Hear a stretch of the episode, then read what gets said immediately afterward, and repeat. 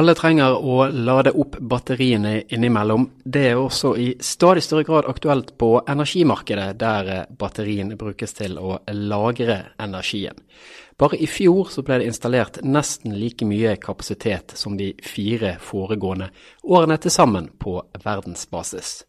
Og evnen til å lagre energi kan være nøkkelen til enda større bruk av bl.a.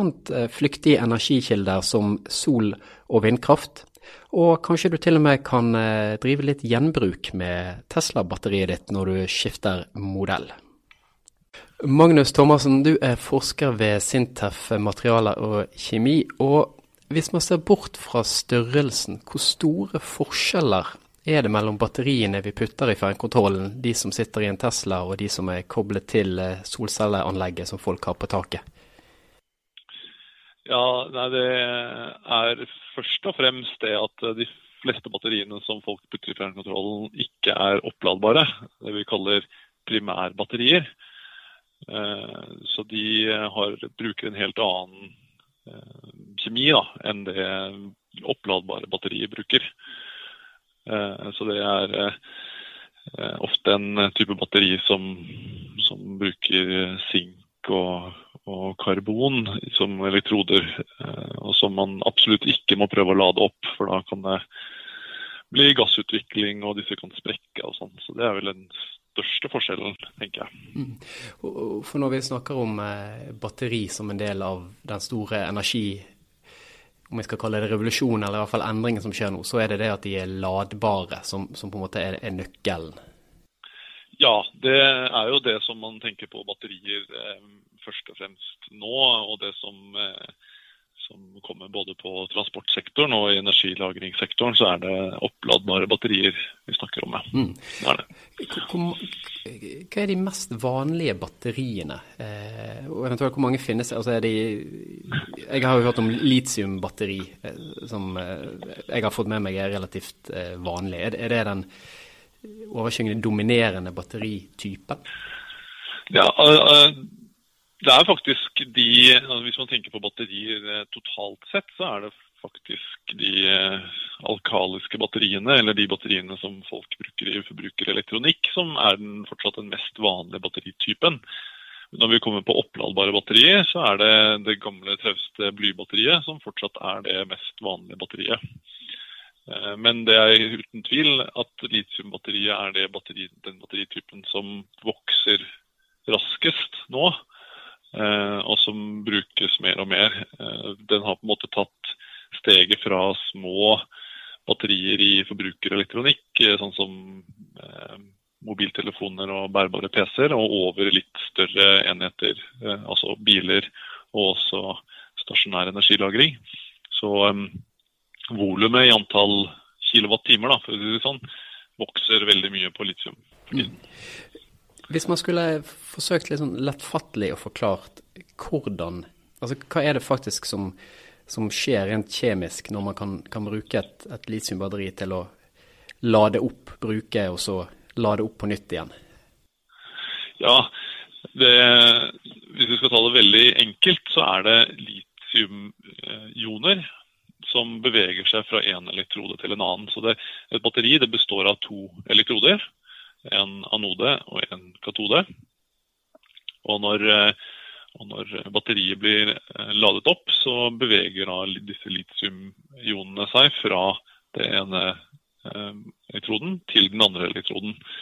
Og, og, disse ionene er så små, disse litiumionene er så små, så de finner plasser inn i strukturen til disse materialene. Så Den ene siden har man grafitt på.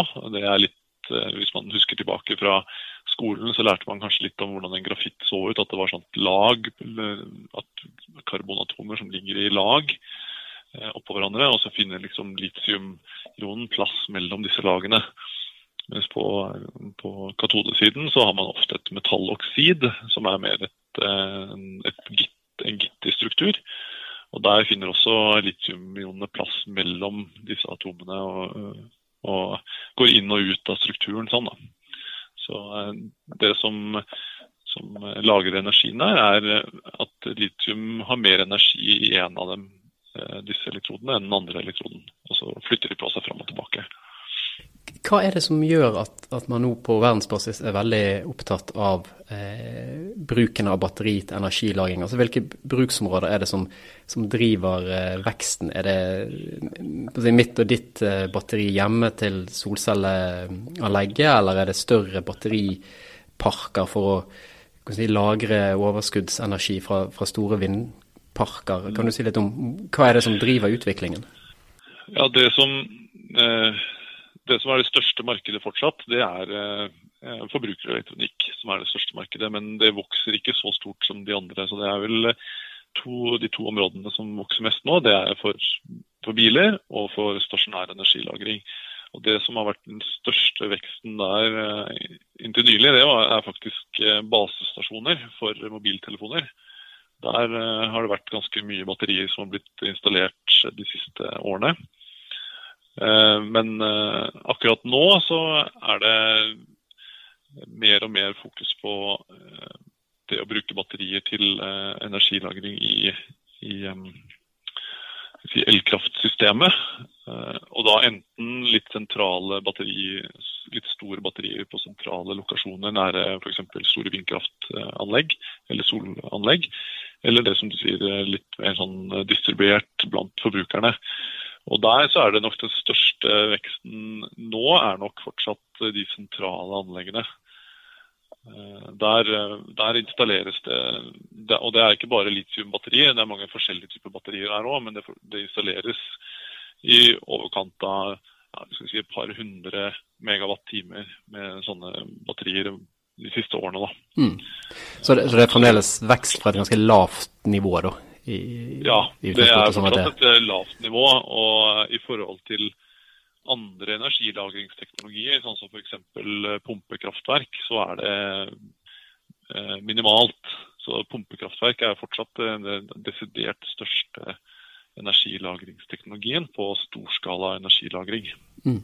Sånne sentrale parker, hvordan er de bygget opp? Er det, er det veldig mange små batterier som er, er, koblet sammen, eller er det Kjempe, kjempestore enkeltbatteri. Et eh, naivt spørsmål. Nei, det er, ja, nei, det er eh, samme, de samme type batteriene som man eh, enten finner i bærbare PC, sånne små sylindriske batterier som man ser eh, og som også kanskje er brukt i hodelykter og sånn, sånne litiumceller.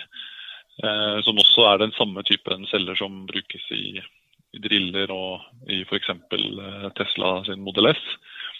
Eh, eller det kan være litt større celler, som kanskje har et størrelse eh, som et A4-ark, kanskje.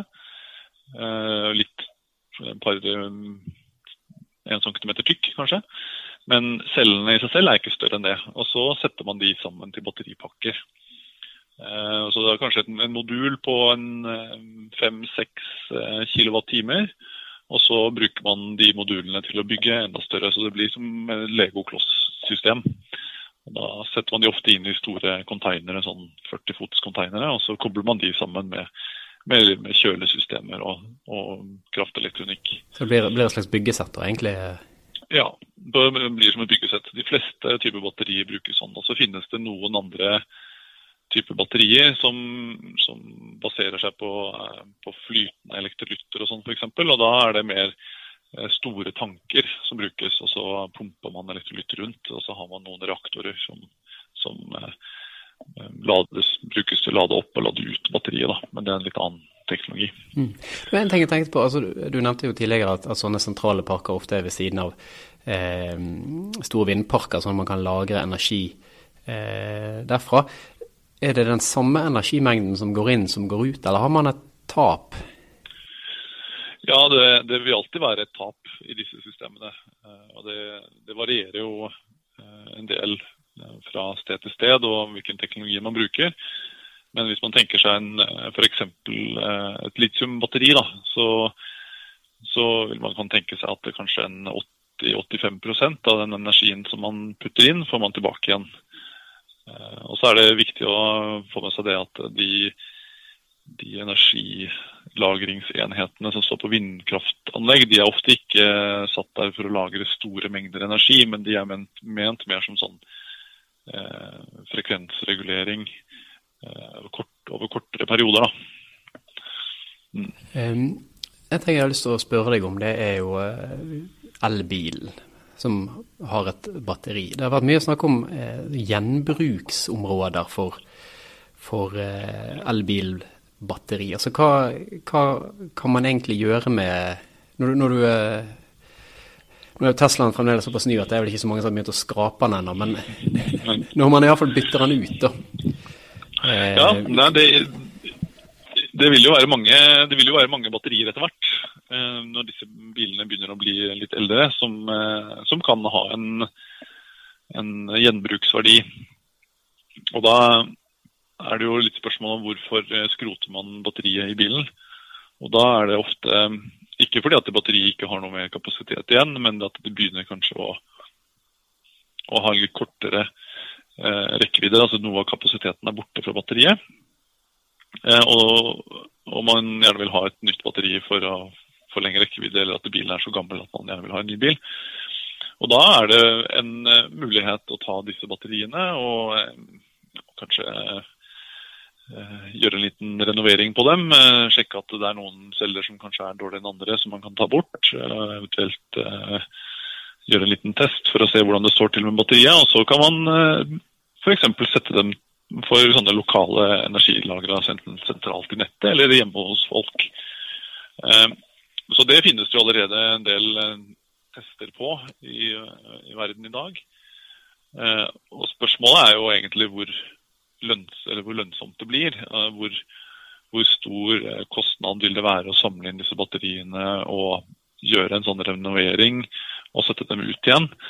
Eh, kontra det å bare bruke nye batterier. Det er det vel ingen som har noe enkelt svar på ennå.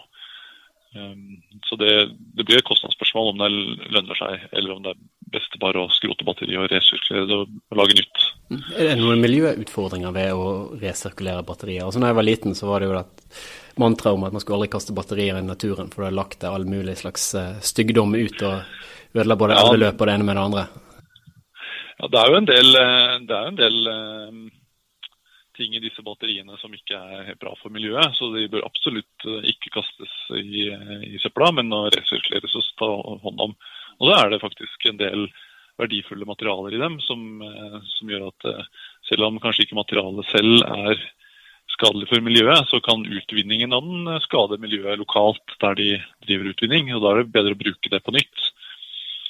Og så er det I dag allerede så resirkuleres flesteparten av batteriene, men ikke nødvendigvis alle materialene blir tatt hånd om i like stor grad. Så så um, det er fortsatt et behov for å videreutvikle resirkuleringsteknologi og, og, prosesser der. Men det blir nok mer og mer av det.